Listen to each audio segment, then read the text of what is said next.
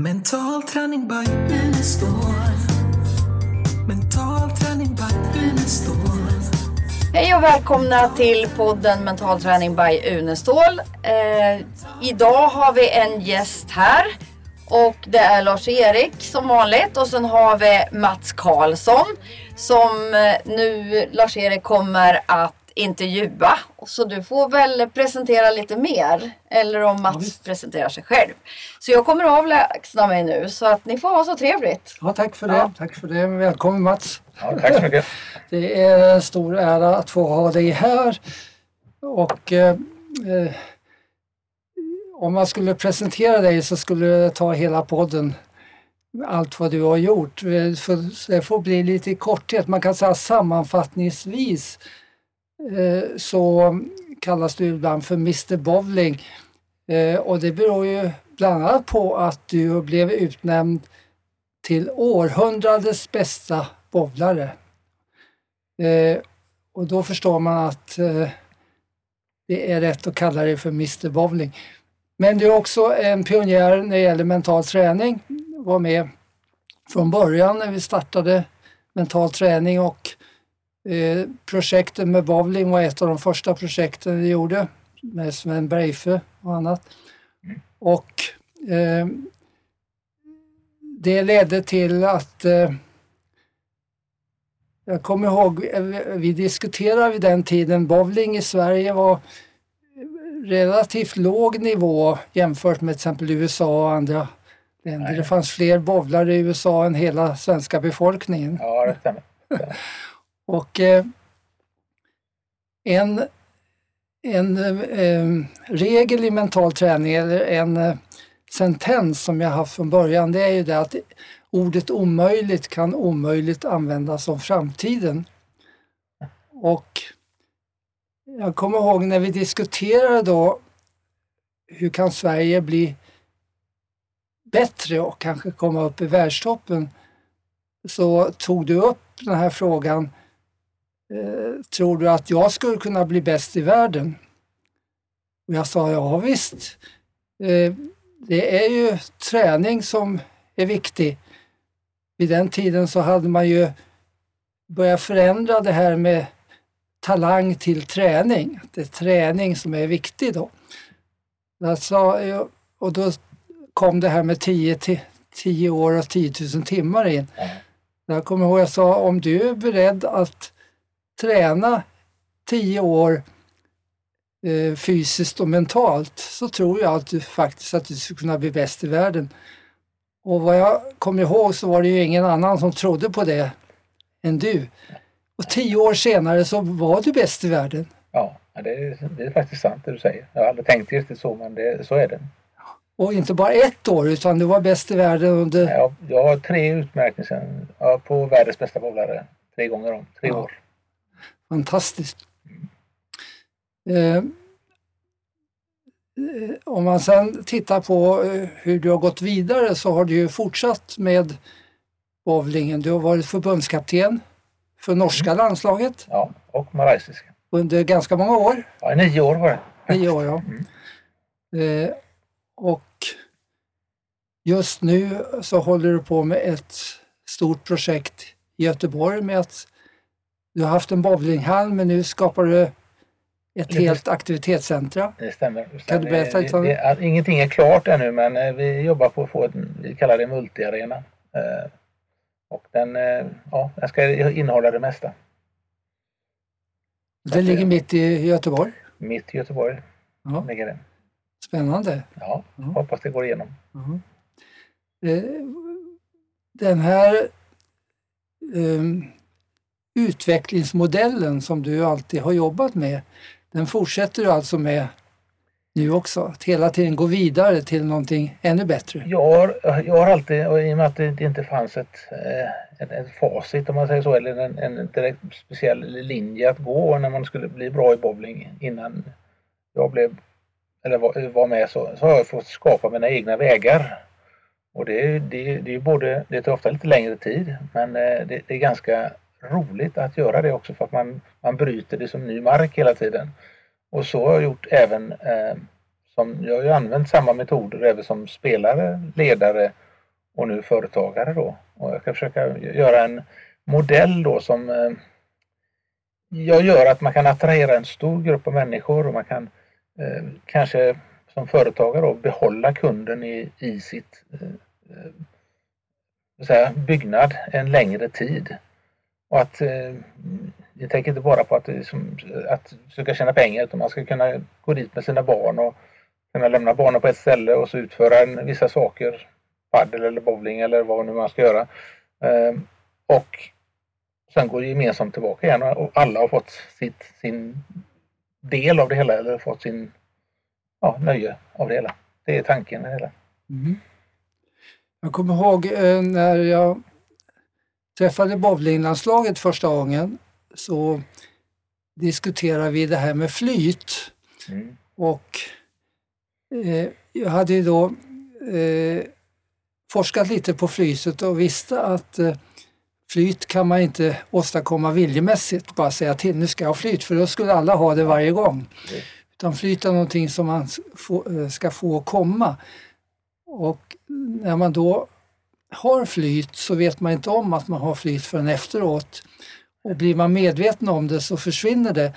Och då tog ni många exempel på det att eh, någon kom och sa du har fem strike i rad och bara det att man blir medveten om det gjorde att sjätte slaget inte blev strike. Och så. Eh. Jag, jag har en annan liknelse där på, på ett annat sätt då fast Eh, det här med flyt. Och jag, det, jag, jag, själv blev drabbad av samma sak. När jag blev proffs eh, för länge sedan så spelade jag fantastiskt bra fram till vi kom till när de stora pengarna skulle fördelas. Aha. Och helt plötsligt blev tanken inte på hur bra man skulle göra utan man tänkte kanske med en strike till 1000 dollar eller 1500 dollar. Och då tänkte jag så här att hur ska jag kunna få bort den orosmomentet?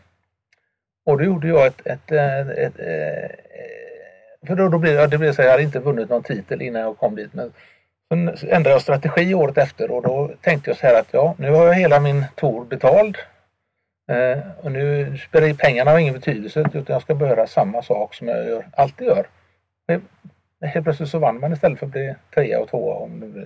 Och det, det var det inte bara att man tänkte på ett helt annat sätt. Alltså tanken mm. kom när man ändrade fokus från hur man ska göra till pengar man räknade pengar istället för i huvudet ja, istället för att räkna hur man skulle ja. få de här pengarna. Ja, visst. Och det, det är lite av det som du säger där att det, det är precis så, så är det. Ja. Och just det här med att när tankar kommer in så, så har det en tendens att störa automatiken mm. i det man brukar göra. Ja. Eh, och det gör ju att eh, och det gäller ju inte bara bowling, i nästan fotboll och allting. Börjar man tänka så, så stör man matematiken. Precis. Tankarna istället för att... Ja, det, det är lite grann som att, eh, jag, jag tror det var du som sa det en gång i tiden för länge sedan, man, man, man tränar på ett sätt och man tävlar på ett sätt. Ja. Men man ska egentligen träna som man tävlar. Ja. Jag tror det var du som sa det en gång till och det, mm. det stämmer väldigt mycket. Och, ja. och jag tror det gäller alla idrotter generellt på sitt sätt. Precis. Det har lite med, eh, jag brukar kalla det för tillståndsbunden inlärning, mm. att eh, det man lär sig eh, det kopplar man till den miljö och till det tillstånd man är när man lär sig det. Och det mm. gör att när det blir olika, studenter kommer och säger jag kunde allting innan jag gick hemifrån, när jag skulle tentera då var det som bortblåst. Mm. Eller de som sjukskrivs för utmattningsdepression. De, efter lång tid kanske de är friska och när de kommer tillbaka till jobbet så kommer hela problembilden tillbaka och säger vi klarar inte det. Så att eh, det var då vi började införa det här med modellträning. Att göra träningen tävlingslik eller att göra eh, tävlingen täv träningslik så att det skulle bli så lika som möjligt för att få mer överföring från Ja, det ena till det andra. Men det är ofta ett generellt eller ett uttryck man har inom idrotten att en, en del människor gillar att ha en viss press. Alltså de, de skapar alltså bättre resultat än på träning kanske under den pressade situationen. Och det, jag tror inte det är på ett annat sätt än att de, de, de tävlar inte som de tränar. Ja. ja. Och det, som, för det, som, det finns ju många som har hoppat jättehögt i sav till exempel på träning men aldrig i tävling. Nej. Så att det, det, det, jag tror det hänger ihop med det faktiskt. Ja. Och då kan man ju gå två vägar. Det ena är att eh, man gör träningen tävlingslik eller att man gör tävlingen träningslik. Ja. Sen har jag lärt mig en annan sak när det gäller, och det är tack vare dig också egentligen, att det, eh, i alla idrotter så är det här att man ofta när man tränar så kan man säga att jag har tränat tre timmar idag.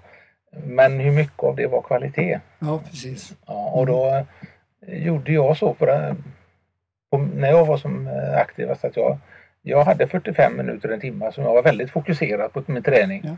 Och sen så avbröt jag den träningen så gjorde jag kanske tog ett paus och så höll vi på en- tre timmar senare så körde vi en timme till. Ja. Men det var väldigt eh, målinriktat och väldigt fokuserat eh, varje träning istället för att eh, hålla på och träna i tre timmar och lära, sig- lära sig kanske fel saker. Ja, precis. Den sista halvtimmen för då, då är det, koncentrationen finns det inte då. Nej.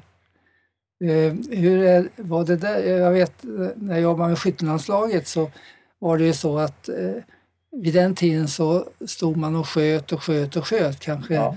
500 skott. Men eh, förberedelsen var annorlunda än på tävling där man förbereder varje skott på annat sätt. Och då blev ju överföringen mycket mindre. Så då fick man dra ner det eh, och ha den här kvalitetsträningen istället. Att man förbereder varje skott precis som på tävling. Och då hann man ju inte skjuta alls lika mycket. Men det blir bättre kvalitet och effekten blir bättre. Ja, jag, jag, har- jag har ju något liknande där. Det, det är så här att eh, bowling bygger mycket på rytm. Alltså man har en viss rytm och ett visst tempo. Och jag var, när jag var aktiv, och jag är fortfarande aktiv, men eh, när jag var som bäst så jag alltid betraktad som en väldigt långsam spelare. Men jag höll mig alltid inom lagens regler. Då är det viktigt att den gången jag tränar, att jag inte spelar fortare och har ett annat tempo Mm. än när jag tävlar. Utan det viktiga är att träningen går i samma tempo som tävlingen gör. Åtminstone har det varit så för mig att jag har alltid försökt att träna i ett, det här tempot som jag tävlar. Mm. Jag tror det har en viss betydelse faktiskt. Och då, då var det lättare att få flytet att komma till Precis. dig. Det är bättre att träna i mer flyt hade jag. Ja, ja just det. Standard. Ja.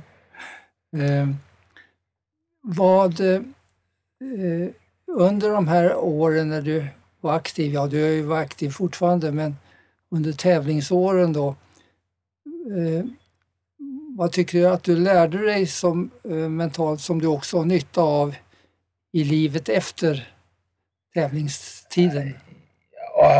Alltså jag har ju lärt mig, alltså, jag, jag har lärt mig jättemycket genom eh, mitt utövande av, av bowling. Men jag har ju framförallt lärt mig att det som egentligen, man, man får egentligen ingenting gratis. Alltså ingenting kommer till dig utan att du... Ja, och detsamma är det ju även eh, om man nu, som jag har varit egen företagare i stort sett hela mitt liv också. Så att, eh, men det, det, det bygger lite på samma principer tycker jag. Att det som det, man, man, man, man sätter ett mål och så, så tar man reda på hur ska jag nå det här målet. Och så försöker man uppnå det målet. Och ibland då går man inte, når man inte fram.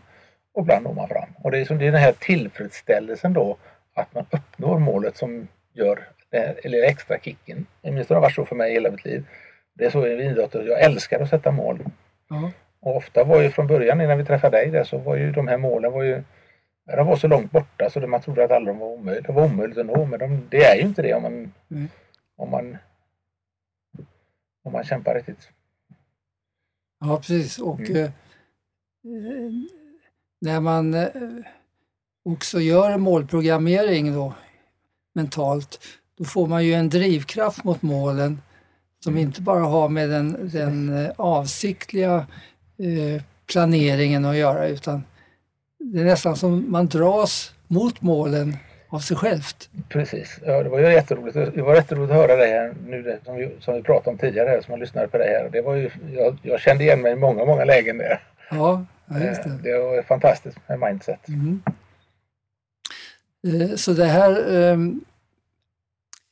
innebär ju att eh, det, övergången då mellan tävlingsidrott och livet efter detta har ju varit svår för många Mm. genom att allting har blivit så annorlunda. Det är inte bara det att man stått i rampljuset och plötsligt så är man inte det. utan också både det här med målsättningar och andra har gjort att många har haft stora problem när man slutar med tävlingsidrotten. Då. Du har ju aldrig haft de problemen. Nej, jag har aldrig haft de problemen. Absolut inte. Du jobbar på ungefär samma sätt. Ja, jag jobbar på det samma sätt som utredare. Bowling Det eller... får man sett, det är bara för att, att jag, jag kan ju också säga en sak som jag också har glatt mig åt lite grann. Det, det, det, är det, är- det inte bara det att eh, personligen att man själv har framgångar utan det är som proffs, när jag var proffs i USA så var det ju bara, man tänkte bara på sig själv. Men jag kan ju tycka det att när jag kommer hem här nu till Sverige och att eh, det roliga är egentligen att man gläds ihop.